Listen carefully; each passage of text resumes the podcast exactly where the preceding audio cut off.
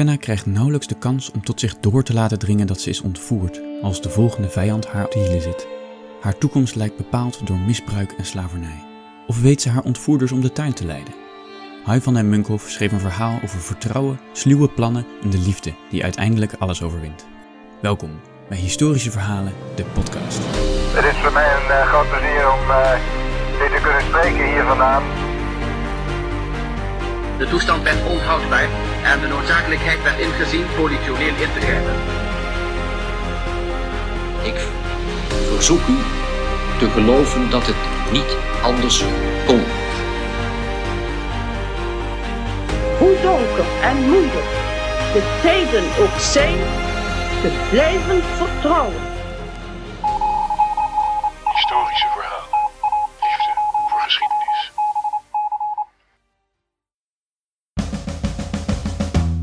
Welkom allemaal.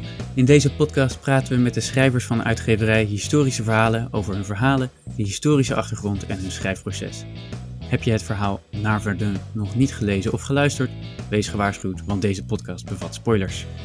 Ik ben schrijver, historicus en journalist Kai Tengeler. En bij mij zit co-host, en als er iemand een vikingbaard heeft, dan is hij het, Rick van der Vlucht. Hey Rick. Hey, goedenavond. Goedenavond. Uh, Rick, ik zag uh, voorbij komen dat er een deadline van de schrijfwedstrijd is uitgesteld. Volgens mij hebben we het nog helemaal niet over de schrijfwedstrijd gehad hier. Nee, dat kan, uh, dat kan kloppen. Zijn er al inzendingen binnen? Jazeker. De eerste verhalen zijn binnen. in totaal 15 stuks tot nu toe. Ik heb stiekem al een kijkje genomen dat ik toch een beetje benieuwd was naar wat er zo al is binnengekomen. En dat zag er eigenlijk best wel goed uit. De meeste verhalen houden het wel een beetje dicht bij huis.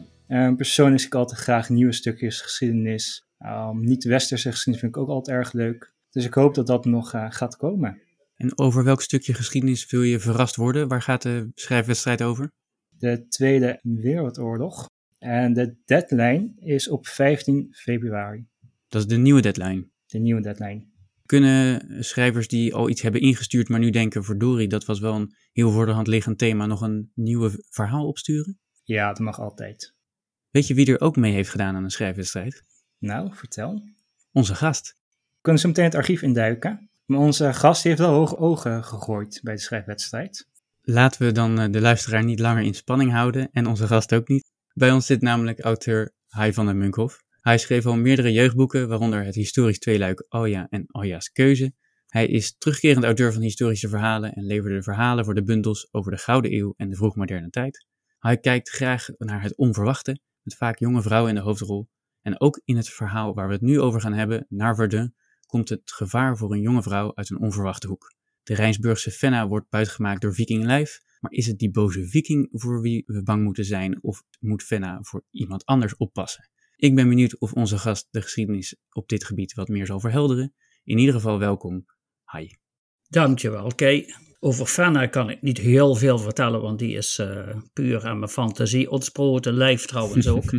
De enige non-fictie of realistische wat er in het verhaal zit, dat is de locatie, de tijd waarin het speelt. En ook wel een beetje de achtergrond. Het speelt namelijk in het jaar 891, en dat is niet heel toevallig gekozen. Heeft trouwens ook met een schrijfwedstrijd te maken, maar niet één van jullie. Want ik had, ik had dit verhaal al een aantal jaren eerder geschreven. En dit is in feite een bewerking van het oude verhaal. Okay. Maar bij de vorige wedstrijd ging het om een jaartal, namelijk het jaar 891. En ik dacht zelf, waarom is dat van belang? Dus dan moest ik flink vergoogelen. En dat bleek het jaar te zijn waarin uh, voor het laatst gedocumenteerd is dat onze streken door de vikingen bezocht werden. En heel toevallig, dat was ook een beetje de aanleiding dat ik het zo ging schrijven, speelde dat vlakbij mijn geboorteplaats, namelijk op de rivier de Maas, ergens halverwege Nijmegen en Maastricht. Nou ja, daar woon ik een kwartiertje fietsen van de Maas. Dus daar zou het dus gebeurd kunnen zijn. Hey, ik ben even het uh, archief ingedoken. Ik dacht, die hij van de Munkhoff die schrijft al een tijdje voor ons. Durf je een gok te wagen van wanneer jouw eerste verhaal is ingezonden? Uh, dat kan ik wel doen, want straks komt jaarbundel 6 uit. En ik sta tot op dit moment nog in iedere jaarbundel. Dat probeer ik ook niet even vol te houden. Dus dat zou uh, in uh, 2015 ongeveer geweest moeten zijn. Na 2016. 2016. Ja, ja het okay. verhaal Camilia, wat zich afspeelt in de oudheid en tijden van keizer Domitianus. Ja. Ook weer met een meisje in de hoofdrol, zoals gewoonlijk. ja, ja, en in totaal heb je zeven verhalen ingezonden voor eh, de website. We gaan van de middeleeuwse Gent naar Oost-Cambodja in de 20e eeuw, naar de Mongoolse steppen van de 13e eeuw, naar Al-Andalus. Ja, dus dat is een mooie, mooie verzameling die je hebt. Om dan, dan nog te zwijgen over de Gouden Eeuwbundel en de vroegmoderne bundel. Hoe komt het dat die wijdverspreide hoeveelheid eh, aan verhalen ook al die verschillende periodes en uh, plekken uh, aandoet? Dat is gewoon mijn onbedwingbare neiging om niet voor de hand liggende locatie en de voor de hand liggende hoofdrolspelers te kiezen, maar het in een ver verleden. Ja. En liefst ook in verre streken te zoeken, waar dat ligt. Waarschijnlijk een beetje aan mijn achtergrond als uh, fantasy-schrijver, want toen ik begon met schrijven, was ik nogal geneigd, omdat ik het vroeger ook veel gelezen heb, om het uh, in de richting van fantasy, science fiction, dystopieën en zo te zoeken doe ik nog af en toe. Hoe verbind je de fantasy dan aan het zoeken naar die uiterste bijzondere verhalen? Dat is niet zo ingewikkeld, omdat het schrijven van een fantasyverhaal en van een historisch verhaal heel veel raakvlakken heeft. Misschien zelfs meer overeenkomsten dan verschillen. Vertel. In het soort historische verhalen waar ik de voorkeur aan geef, ja, zou je kunnen zeggen, is 10% historie en realiteit en 90% fictie. Nou ja, in een fantasyverhaal ga je ervan uit dat het 100% bedacht en fictie is, wat natuurlijk nooit waar is, omdat je nooit alles uit de lucht kunt plukken. Alles wat je schrijft, of het nou fantasy is of iets anders, heeft een basis in de realiteit waar je het ergens vandaan haalt. Dus in dat opzicht is er niet zo'n groot verschil als veel mensen zouden denken. Nee, maar je zei, ik hou van het onverwachte opzoeken of hetgene wat niet voor de hand ligt. En dat verbond je aan je achtergrond als fantasy-schrijver. Dus ik was nieuwsgierig hoe je dat uh, verband uh, voor je zag. Ja, nou, daar moet ik, daar moet ik, daar moet ik even over nadenken. Volgens mij zou je ook kunnen zeggen dat veel fantasy ook deels gebaseerd is op geschiedenis. Het ligt een beetje aan welke tak van fantasy je pakt, geloof ik. Ik ben zelf geen expert. Ja, als je de experts moet geloven, daar reken ik mezelf niet toe, heb je heel veel subgenres in de fantasy. Maar een heel groot gedeelte daarvan heeft inderdaad wel een soort uh, middeleeuwse setting. En het voorbeeld daarvan is waarschijnlijk uh, het boek van Tolkien, uh, wat zo goed als iedereen wel kent of gelezen heeft. Mag het hopen. Dikke pel, ik heb hem hier ook staan. En dat was niet het eerste voorbeeld, maar na Tolkien's boek Lord of the Rings, ik was nota bene even naar de titel aan het zoeken, hebben heel veel fantasy-schrijvers dat als voorbeeld genomen en een verhaalwereld gebouwd met zeg maar een hoogmiddeleeuwse achtergrond. Versierd met allerlei draken en elfen en trollen en andere toestanden. Maar de basis daarvan is uh, eigenlijk toch wel middeleeuws, ja. Het is trouwens niet het soort fantasy waar ik het meest van houd. Ik vind het langzaam maar zeker na een paar decennia van dat soort verhalen een beetje cliché aan het worden. Wat zijn de verhalen waar je wel van houdt? Ik houd ook wel van uh, de andere richting, niet het verleden, maar de toekomst, science fiction, dystopieën. Hoe de wereld er over een tijd uit, uit zou kunnen zien als het goed fout gaat. Want ben je pessimistisch over de toekomst? Nee, niet echt als je een dystopie schrijft, dan is de basis daarvan inderdaad, zoals ik al zei, het gaat een keer goed fout met het klimaat, met oorlogen, noem maar op. Uh, maar als je verder vooruit kijkt, denk je, er is altijd een andere toekomst. Dus uit ellende kan ook weer iets anders groeien. Is dat iets wat in jouw verhalen, uh, historische verhalen, ook terugkomt. En vaak zijn het karakters die in een moeilijke situatie komen, maar het zijn wel vaak verhalen die positief eindigen volgens mij. Ja, ik denk dat, dat die verklaring heel erg simpel is. Ja, ik was onderwijzer, ik heb jeugdboeken geschreven, ook uh, in België voor uitgeverij Aderbo. Daar heb ik drie Vlaamse filmpjes geschreven voor de leeftijd van 10 tot 12. Nou, jeugdverhalen, in feite ook young adult, want eigenlijk zijn dat toch ook jeugdverhalen. Die hebben één kenmerk gemeen, hoeveel ellende er ook in voorkomt. Het einde, is nooit zo diep tragisch dat iedereen overlijdt, et cetera, en er niks goeds uit voorkomt. Ja, er moet toch iets van een happy end in zitten. In het genre historische verhalen is dat wel weer bijzonder, want veel van de verhalen eindigen ook uh, niet zo uh, fraai. Ik heb best een verhaal geschreven met een tragisch einde. Ja, Garaya Slag, wat in de tijd van Pol Pot in de Cambodjaanse oorlog speelt. Dat is geen vrolijk verhaal, heeft ook geen, ja, misschien wel een, uh, een tragisch einde, maar geen mooi einde. Misschien mooi geschreven, zou ik hopen dat men het zo ervaart. Maar het is wel een beetje een uitzondering. De meeste van mijn verhalen loopt het uh, met de hoofdpersonen toch wel een stuk beter af. Wat ik uh, mooi vind aan fantasy is dat er heel veel platforms zijn. Dat er zijn verschillende schrijfwedstrijden, er worden bundels uitgebracht. Is, is, is dat ook hoe je bent begonnen met schrijven? Ja, dat is zeker zo. Want ja, de fantasy is geen genre waar je rijk in wordt op een dood enkeling na. Maar het is wel een, ja, een heel levendig genre. Waar ook uh, heel veel mensen actief in zijn. Zonder dat ze de bedoeling hebben om er iets mee te verdienen. En je hebt inderdaad heel veel platforms, uh, websites, uh, forums, tijdschriften. ik ben in, rond het jaar 2000 ben ik begonnen met fantasy verhalen te schrijven voor het tijdschrift Pure Fantasy heette dat toen. En er zaten een aantal mensen bij die nou op dit moment bekend geworden zijn. En meer dan een paar. Ik reken mezelf daar nog even niet toe. Maar je hebt bijvoorbeeld Thomas Oldeheuvelt. Die is bekend geworden ja. met, zijn, met zijn trillers. Uh, die schreef voor de tijdschrift. Dus uh, ja, die ken ik ook uh, goed. Hele aardige man trouwens. wie hebben we nog meer? Pieter Koolwijk ken je misschien ook. Met zijn jeugdboeken de, die laatste Gouden Riffel heeft gewonnen.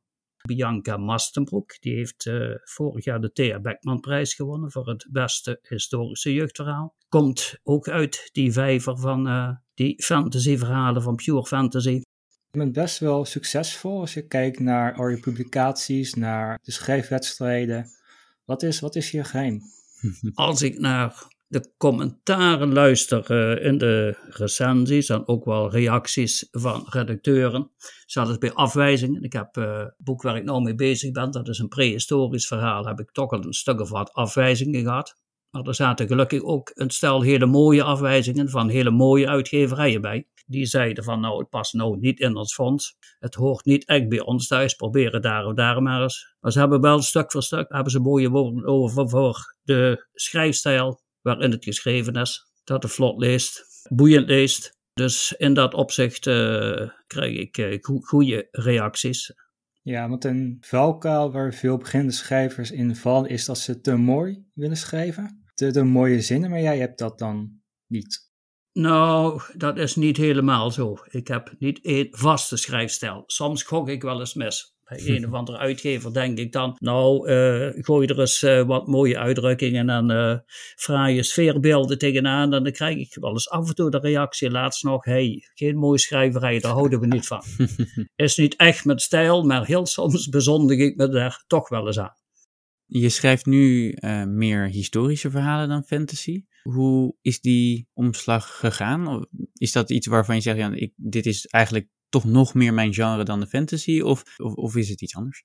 De reden is, nou om eerlijk te zeggen, ook een beetje heel banaal. Ik zag in uh, historische verhalen qua mogelijkheden bij de uitgever toch eigenlijk meer dan in de fantasy fantasywereldje is leuk, maar heel erg Engels en Amerikaans georiënteerd. De meeste uitgevers eh, die fantasy uitgeven, die kiezen liever voor het vertaalde werk wat de mensen kennen. En in, Nederland is het heel moeilijk om er met een fantasyboek bij een grote uitgever, zoals Luiting of zo, tussen te komen. Er is maar heel weinig markt voor. En nu dat ik zo zakelijk denk, maar je wilt, als je iets schrijft, wel graag uitgegeven worden. Ja, is dat zo? Ja, vind, ja, daar denken sommige mensen anders over. Ik herinner me nog de literatuurles over de tachtigers uit de vorige eeuw. Eh, die alleen maar voor de eer schreven. En die dat uh, eigenlijk heel aards en uh, afkeurenswaardig vonden. Dat je gelezen wilde worden, je schreef voor de kunst. Maar dat idee heb ik dus helemaal niet. Als je iets schrijft, haal je er voldoening uit als mensen het lezen. Heeft dat ook effect op hoe je schrijft? Dat je zegt van ik wil op een bepaalde manier schrijven dat zoveel mogelijk mensen ervan kunnen genieten? Tot op zekere hoogte wel. Want je moet als je schrijft je altijd realiseren dat je schrijft met een doel dat mensen het lezen. En dat ze ook in hun hoofd moeten kunnen volgen wat jouw redenering en de gedachte als schrijver geweest is. Dat je het op die manier op papier zet. Maar het is nou ook wel niet zo dat ik bij het schrijven voortdurend naar die lezer zit te denken. Dat kan ook helemaal niet. Als je op een gegeven moment in een verhaal zet, gaat dat in zijn eigen gang. En dan ga je niet denken, wat zouden de lezers willen hoe dit nou verder gaat. Zo werkt het niet. Misschien wel wat jullie laatst aanhaalden. Het moet een goed einde hebben als je voor jeugd schrijft. Dan weet je, als het alleen maar in een bloedbad eindigt, en moord en doodslag, dan vind je er waarschijnlijk geen uitgever voor. Daar houden ze niet van en uh, de bibliotheken willen het niet. Dus je moet een beetje praktisch denken en daar een beetje concessies doen. Tot op zekere hoogte. Want ga je puur voor de markt schrijven, dan is het ook eh, niet leuk meer. Ja. Ik ken bijvoorbeeld wat mede-auteurs die stiekem onder andere naam ook boekjes voor de boeketserie en zo schrijven. Er is er niks mis mee, iedereen mag dat van mij. Maar dat ze dat niet onder een eigen naam doen, geeft al aan ja, hoe het zit. Ja, dus schamen er zich een tikkeltje voor. Ja. Want dat gaat, om eerlijk te zijn, dan voor die mensen puur om de cent. En daarom noem ik ook geen naam. Ik vind het wel altijd een lastig dilemma hoor. Die ik heb als enerzijds auteur zijnde en anderzijds als redacteur. In hoeverre ga je mee met wat de lezer leuk vindt? Dus als je kijkt naar de best Mhm, verkochte ja. boeken, dan zijn dat niet eh, de boeken die ik persoonlijk mooi vind. Nee, Maar ja, ik wil ook inderdaad dat de boeken wel gekocht worden en gelezen worden. Uh, dus daar zit een soort van spanningsveld in. Blijf ik zeg maar, zo dicht mogelijk bij mezelf als redacteur zijn in de keuzes die ik maak en wat ik uitgeef? Of ga ik denken van, nou ja, de markt vindt dit leuk, dus dit ga ik uitgeven. dat zal hetzelfde dilemma zijn wat je als schrijver ook hebt. Hè? Als eh, redacteur en als uitgever kun je misschien denken, ik ga een serie beginnen die lijkt op de Zeven Zussen, dan ben ik ben. Maar zo werkt het niet, zo moet het althans niet werken. En zo werkt het bij jullie ook niet, dat weet ik intussen. Er, er, zijn bepaalde auteurs die hebben gewoon een vaste formule, die werken dat af. En dat werkt heel goed. Dat zijn fijne boeken om te lezen. En dat verkoopt goed. Moet, moet je dat dan niet gewoon doen? Mm, dat zou je misschien moeten doen als je dollartekens in de ogen hebt, maar lijkt me heel vervelend om te doen. Ik denk dat er ook auteurs zijn die dat niet zo gepland hebben, maar die daar door het succes van hun eigen boeken op een gegeven moment wel toekomen. Ja. Ik eh, zou bijvoorbeeld een voorbeeld kunnen noemen om een beetje in de fantasy sferen te blijven. De Stam van de Holenbeer van John Howell vind ik een heel mooi boek, tenminste het eerste deel. Tweede deel ook, maar na het derde of vierde boek ik ben halverwege derde ben ik afgehaakt, krijg je het idee van het soort uh, soap-serie in de middeleeuwen. ik zei middeleeuwen, bedoel natuurlijk prehistorie. Dat, dan heb ik het gevoel dat zo'n auteur miljoenen heeft verdiend met die eerste paar boeken. En dat de uitgever heel erg aandringt en zegt, je kunt er nog wel een vervolg schrijven. Doe dat alsjeblieft. En als dan de kassa weer rinkelt, dan ga je verder. En dan, dan groeit je kapitaal, maar de kwaliteit van de boeken gaat er vrees ik niet op vooruit. Nou, ik ben blij dat je niet dusdanig commercieel bent ingesteld. Dat je toch een beetje bij jezelf blijft. Dat is uh, wel de bedoeling. Ik, ik wou om het uh, hoofdstukje fantasy af te sluiten ook nog even jouw tweeluik aanstippen. Alja's keuze. Volgens mij was dat ook oorspronkelijk bedacht als fantasyverhaal.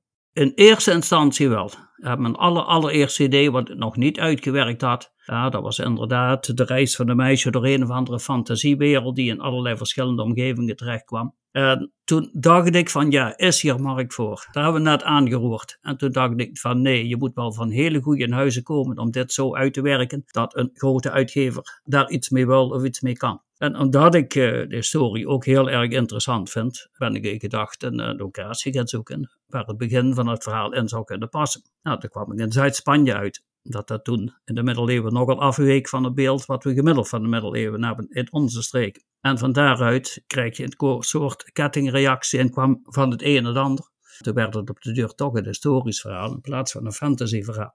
Want hoeveel boeken zijn er verkocht?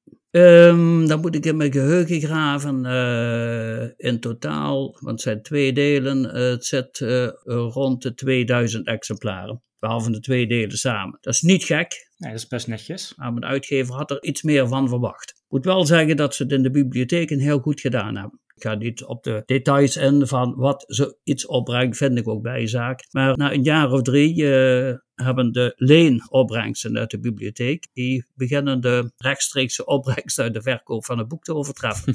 Ah, dus dat, dat is wel leuk, ja. En dan blijft het ook uh, interessant, dan wordt er steeds, uh, steeds opnieuw uitgezocht. Ik denk dat er ook een oorzaak is dat blijkbaar heel veel schoolbibliotheken het aangeschaft hebben. Er de advieslijst van NBD Biblion bij de historische boeken voor die leeftijd terechtgekomen. En dan worden ze automatisch, vrij ma nou, massaal wil ik niet zeggen, maar toch uh, redelijk door scholen aangeschaft. Ik zou graag even willen overstappen naar het schrijfproces. Want hoe ga je te werk? Er komt dan weer een deadline aan, de nieuwe verzamelbundel, die moet gemaakt worden. Je moet een verhaal schrijven, want je wilt graag instaan. Hoe, hoe begin je? Ik begin uiteraard met een onderwerp en een tijdvak te kiezen. Hoe kies je dat? Op het gevoel. Ja, op het gevoel. Ik denk gewoon uh, van in die periode of aan die locatie wil ik ongeveer zetten. En op dat moment pak ik dan de laptop en ik zet op een blad brainstormen over dat en dat verhaal. En dan laat ik gewoon eh, alles uit het toetsenbord vloeien wat in me opkomt. Het ideeën erover. Dat lees ik daags erop dan nog eens door. En dan ga ik eens wat aan het googelen naar het een of ander. Kan ik er een boek over vinden. Staat er online veel informatie over. En dan krijg je meestal na een dag of drie, vier, weet ik dan wel waar ik voor kies. Voor welk, eh, wat definitief het onderwerp wordt. En het eerste wat ik dan daarna doe, is er een personage bij bedenken. Dan zeggen jullie meteen, dat zijn altijd jonge vrouwen. Dat is niet helemaal waar.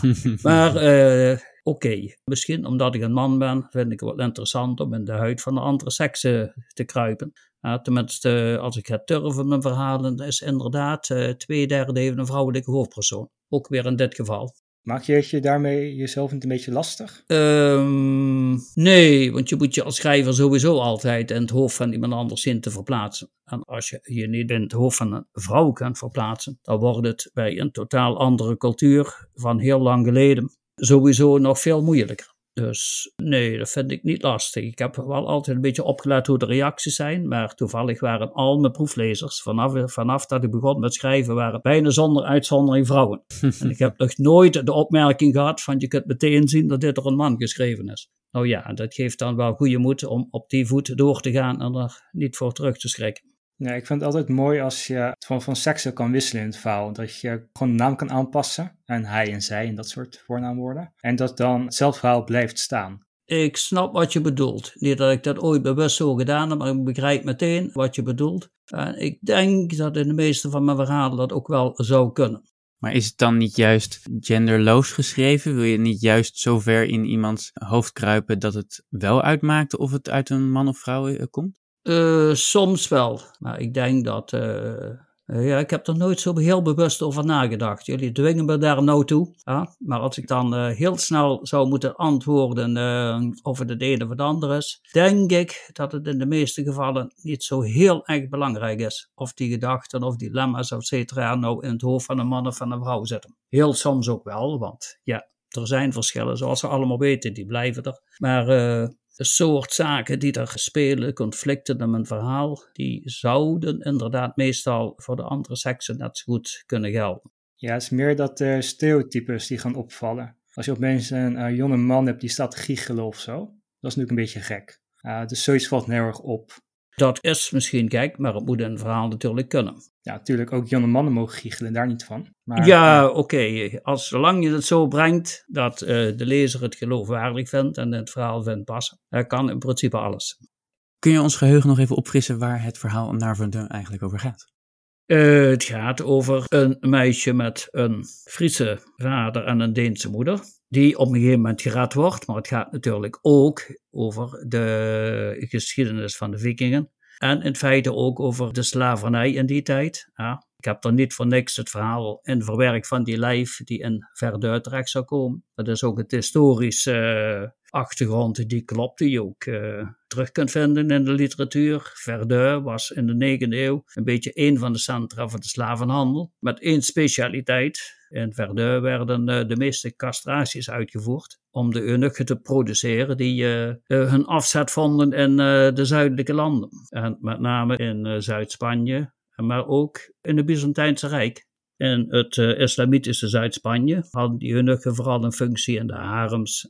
Die konden geen kwaad doen. Dat waren de harembewaarders. Dat is ook uit het Ottomaanse Rijk, is dat bekend. Maar in Byzantium waren de eunuchen, uh, die kwamen in een zangkoor terecht van castraten. Hm. Onder andere, ja, er waren meer bestemmingen, maar dat was uh, vaak de bestemming in, uh, in Byzantium. En die kwamen helemaal uit Noordwest-Europa? Niet allemaal natuurlijk, maar er is documentatie dat er een vaste doorgangsroute van Verdun via Frankrijk richting Marseille liep. En dat ze in Marseille scheep gingen richting Cadiz voor Zuid-Spanje of richting Byzantium in oostelijke richting. En de Vikingse plunderingen? Uh, ja, het jaar 891, dat gaf ik al aan. Dat uh, was eigenlijk zo'n beetje het laatste jaar waarin de vikingen actief waren. Ja, daarvoor namelijk uh, hebben ze voor het eerst in eeuwen een, ja, een verpletterende nederlaag geleden. En dat was in wat nou Vlaanderen is. Koning Arnulf was in wat we later de zuidelijke Nederlanden gingen noemen. Die heeft uh, de vikingen die via Antwerpen en ook via de Maas naar onze streken kwamen uh, een behoorlijke slag toegebracht. Toen bleven er nog maar wat verspreide groepjes over. Het staat ook in het verhaal dat die voor een deel uh, over zee naar Anglia en Erin, dus Engeland en Ierland, vluchten. En na het jaar 891 zijn er nog wel een paar gedocumenteerde gevallen van vikingaanvallen. Na het jaar 1000 ook nog, maar dat waren echt incidenten en dat speelde zich blijkbaar alleen bij de kust af. Maar ze zijn nooit meer daarna ze zo diep landinwaarts terechtgekomen als uh, ja, in uh, mijn thuisprovincie Limburg dus. In het verhaal is de viking een Deen. We denken bij vikingen natuurlijk als eerste aan Noormannen en die dus uit Noorwegen komen. Hoe zit dat? Dat is de benaming. Zelf, uh, ik heb er best veel over gelezen, zelf maakten ze dat onderscheid niet zozeer. Dat was er in feite ook niet, want het zuiden van Noorwegen is heel lang ook het gebied van de, van de Deense koningen geweest. Trouwens, Zuid-Zweden ook. Dus het onderscheid maakte de vikingen zelf niet zozeer. De meeste vikingen kwamen toch wel van Denemarken. Pas dan wel niet het grootste gebied, maar wel met afstand het uh, vruchtbaarste en ook het uh, dichtstbevolkste. Uh, de Noormannen die inderdaad uit Noorwegen kwamen, die namen meestal een noordelijke route, ja, logisch ergens. die kwamen uh, meer in Schotland en in Ierland terecht. Ja, die hebben uh, naderhand ook IJsland gekoloniseerd. Maar uh, nogmaals, dat scherpe onderscheid kun je niet maken. Die echte verschillen tussen Noorwegen, Denemarken en Zweden, die zijn eigenlijk pas na de kerstening in het jaar 900 of 1000 is dat langzaam maar zeker ontstaan. Tot die tijd is er geen echt onderscheid. Kwamen ze alleen maar plunderen? Kwamen ze ook uh, wonen, handelen? Als je de kronieken uit die tijd moet geloven, kwamen ze alleen maar om te plunderen en de kloosters leeg te halen. Maar die bronnen zijn heel erg gekleurd. Ja? Als je de geschiedenis helemaal in een rijtje zet, zijn er waarschijnlijk meer handelaren op een eerlijke manier in onze streken terechtgekomen. Met name vanuit uh, het Deense, ik zoek even naar de goede naam, Hedeby was dat. Dat ligt nou op dit moment in Duitsland, maar dat was de handelsplaats. En ook door Voorhaven van uh, de Frisse gebieden richting uh, Zweden en Noorwegen. Je had drie handelsplaatsen in het Scandinavisch gebied. En daartussenin had je allerlei handelsroutes die ook voor een groot gedeelte door de Friese beheerst werden. Wat zijn de Friese op dit moment in de geschiedenis? Want het hoofdpersonage in jouw verhaal is half Fries, half Deens. Woont in Rijns, komt uit Rijnsburg. Uh, kwamen de Friese zo zuidelijk? Oh ja, die vraag begrijp ik, ja, maar dat heeft te maken met uh, de locatie van onze huidige provincie Friesland. Dat is gewoon een afgeleide van het oude Frisia. Maar Frisia is van oudsher vanuit de Romeinse tijd het hele kustgebied. Zelfs vanaf Duinkerke tot aan bijna waar nou op dit moment Denemarken begint, dus de hele Waddenkust zeg maar. En dat is pas in de loop van de middeleeuwen zo veranderd dat je een provincie kreeg die Friesland heet en die zichzelf daarna Friese gingen noemen. Je vertelde net dat het beeld dat wij hebben van vikingen gekleurd is. Weet je hoe dat komt? De meeste bronnen uit die tijd, uit onze streken, zijn kloosterkronieken. Ja, die hielden annalen bij, jaarlijkse kronieken van alles wat er zo al gebeurd was. En er werd uh, natuurlijk weinig vlijend over uh, de Scandinaviërs gesproken. Ja. Omdat ze inderdaad met grote regelmaat ja, de kloosters gaat erover. Maar de andere contacten die er waren, de handelscontact. En daar hadden die chroniekschrijvers weinig aandacht en weinig interesse voor. Dus die kwamen eigenlijk niet aan bod. Als we hem dan teruggrijpen op het schrijfproces. Uh, je had je brainstorm gehad, je ging wat research doen. Heb je dan deze geschiedenis allemaal uitgeplozen voordat je het verhaal gaat schrijven? Nou, als ik de historische setting ongeveer in mijn hoofd heb, globaal, waar gaat het zich afspelen? Wat gaat er in grote lijnen gebeuren? Dan uh, doe ik meestal twee dingen. Ik kijk hoe het verhaal begint, op welke plaats en in welke situatie. En dan bedenk ik, hoe kan het aflopen? Nou, ik moet wel weten hoe ik van A naar C ga. Maar B, alles wat er tussenin zit, daar heb ik al een globaal beeld van. Maar dat kan terwijl ik het schrijven ben nog alle kanten uit. En hoe langer het verhaal is, hoe, uh, ja, hoe meer dat gebeurde. Twee luik bijvoorbeeld, dat is het beste voorbeeld. Daar had ik van tevoren eigenlijk alleen maar bedacht, enkel en alleen, dat het in Cordoba zou beginnen en ook weer eindigen waar de reis naartoe zou gaan en via welke omwegen en welke personages er allemaal in op zouden duiken. Dat heb ik voor 90% als schrijvende bedacht. En in een kort verhaal gaat dat natuurlijk nooit 100% zo, want je kunt niet eindeloos veel personages bedenken. Dan kom je nooit uit bij een verhaal voor historische verhalen wat zo rond de 4000 woorden telt. Maar in principe werkt het dan wel hetzelfde. En heb je daarna dan nog veel werk aan het bijschaven van het verhaal? Ja, natuurlijk. En zeker als uh, historische verhalen er aan te pas komt. Want het laatste verhaal, uh, ik heb nog bij de laatste versie gezegd, dit mag eigenlijk geen versie 7 meer heten. Want er hoeft dan alleen nog maar een paar puntjes op de i gezet te worden. Mm -hmm. Maar het geeft wel aan dat ik het heb over versie 7, dat het vaak op en neer gaat ik vind dat zelf namelijk een groot pluspunt. Maar ik ken ook schrijvers die er, uh, om het populair te zeggen, helemaal wild van worden. Die daar twee of drie keer redigeren en dan komt weer terug met opmerkingen en uh, meteen iets hebben van, wat is dit nou? Is nog altijd niet goed. Ik heb dat ook, laten we heel eerlijk zijn, ook heel af en toe. Een moment van dat ik denk van, daar komt hij weer aan. Ja, wat is het nou weer? Ja. Maar dat duurt nooit lang. En uh, daags erop denk ik van, hé, hey, het is goed. Ja, want ieder puntje op die is er eentje en daar worden vrouwen alleen maar beter van. Ik ben heel goed in eindeloos muggenziften. Maar als ik kijk naar jouw specifieke verhalen, dan gaat het vaak niet over het plot. Er zijn vaak een beetje aan bakkeleien over uh, zinnetjes hier en daar of iets wat uitgebreider moet, mm -hmm. iets korter, iets ja. mooier, iets minder mooi. Dus ik vind het wel knap dat je dan het plot eigenlijk zo uit de, uit de losse mouw schudt en dat het plot dan eigenlijk wel goed is dat heeft denk ik ook iets te maken met uh, die voorgeschiedenis van fantasy. Omdat je alles zelf moet bedenken. Leg je misschien meer nadruk op dat plot. En iemand die een historisch verhaal schrijft, die is uh, misschien soms meer met die historische achtergrond bezig. Als met de vraag hoe je met die stof, met die personages, een uh, conflict krijgt met een bepaald plot, wat ergens naartoe leidt. En ik doe mijn research ook wel, want ik weet ook wel dat wat je aan feitelijkheden beschrijft in die tijd dat het gewoon moet kloppen, voor zover je het na kunt gaan.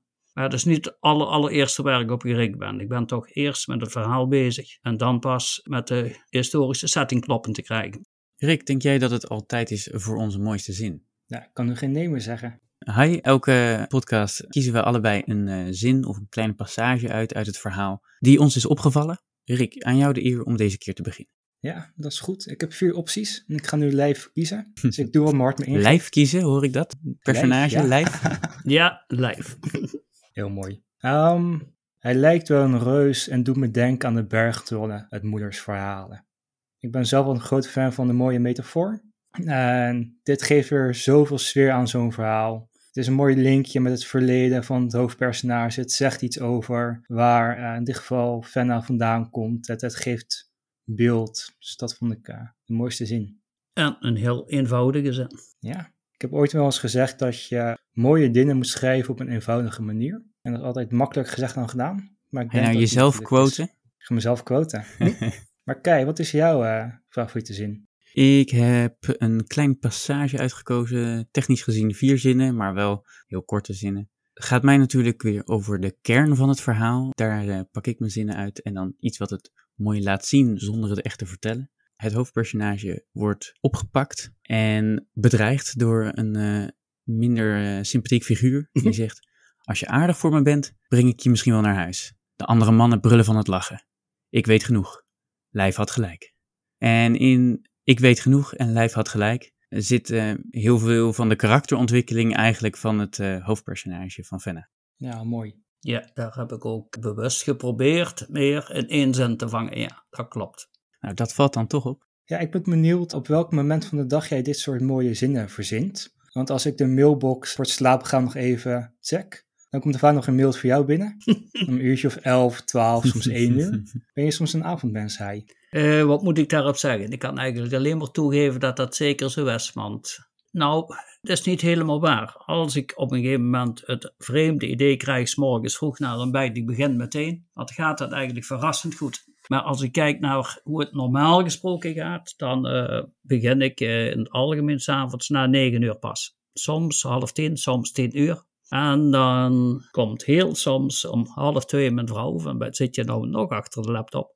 en dan is het half twee en dan denk ik van, nou, nou is het genoeg geweest voor vanavond. En hoe laat kom je dan je bed uit? Nou, als het half twee is, uh, ik wil wel zeven uurtjes slapen, dan wordt het half negen. En dat is dan de luxe van mijn thuissituatie, want ik ben al elf jaar met pensioen. Dus ik kan mijn tijd indelen zoals ik dat zelf wil. Maar standaard sta ik s morgens vroeg om acht uur op en probeer ik toch om een uur of één in bed te liggen. En gezien mijn leeftijd doe ik smiddags ook nog een lekker dutje na de lunch. Ja, en dan gaat het allemaal prima. Dus dat houd ik nog heel lang vol zo.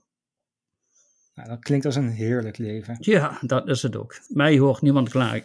ja. En wat is het eh, volgende verhaal dat dat ritme gaat brengen?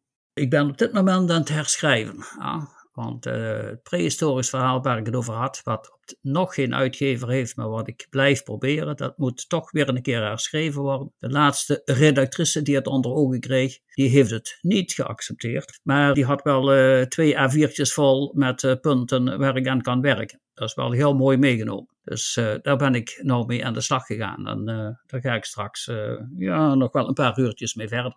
Nou, je gaat hierna na de podcast nog even aan het werk. Oh, dan begin ik pas. Maar dan begin je pas. Het is nog geen half tien, dus eh, dat kan nog prima. In dat geval eh, gaan wij je niet veel langer meer van je werk houden. Hai, heel erg bedankt voor dit gesprek. Mochten luisteraars nou nog alles van jouw verhalen of van jouw volgende verhalen willen weten, waar kunnen ze jou het beste volgen? Op Facebook en ik heb een website en daar staan de meeste van de links naar mijn verhalen wel op. Moet wel hoognodig hem weer eens updaten, moet ik eerlijk toegeven. Gewoon hivandenmunkhof.nl Hivandenmunkhof.nl, ja. Munkhof met CK. En Van Den met een N, dat wordt heel vaak vergeten. Twee bundels heb ik het afgelopen jaar binnengekregen waarin ze de N vergeten hadden. Tja, Dat is ja. voor mij toch? Nee, nee, nee, nee, dat was niet van historische verhalen. Je kan daar nog eens wakker van liggen s'nachts. Zijn alle auteursnamen goed gespeld in de bundel? Niet dat ik slecht slaap van een endetje vergeten, maar eh, ja, het is een beetje slordig. Nee, eens. Vergeet ook ons niet te volgen op Twitter, Facebook en Instagram. Zoek naar historische verhalen en volg deze podcast. Eh, de schrijfwedstrijd, Tweede Wereldoorlog, wat was de deadline? 15 februari. Juist. En het eerstvolgende verhaal is het kerstverhaal van Paul Christian Smith. Waar gaat die over? Dat ligt er nog aan. Het is al bijna kerst, hè? Ja, ik weet het. Het wordt een kerstwonder. Een kerstwonder als het alsnog lukt. Sowieso. Nou, dan eh, houden we het eh, daarbij. Heren, eh, ik wens jullie nog een fijne avond. Hai, schrijf ze nog even. Doe ik. En tot de volgende keer. Fijne avond. Doei. Doei doei.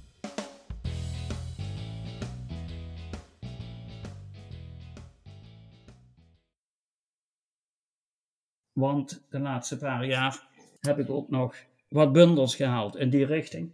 Afgelopen. blijf bij de microfoon. Ja, want ik zet.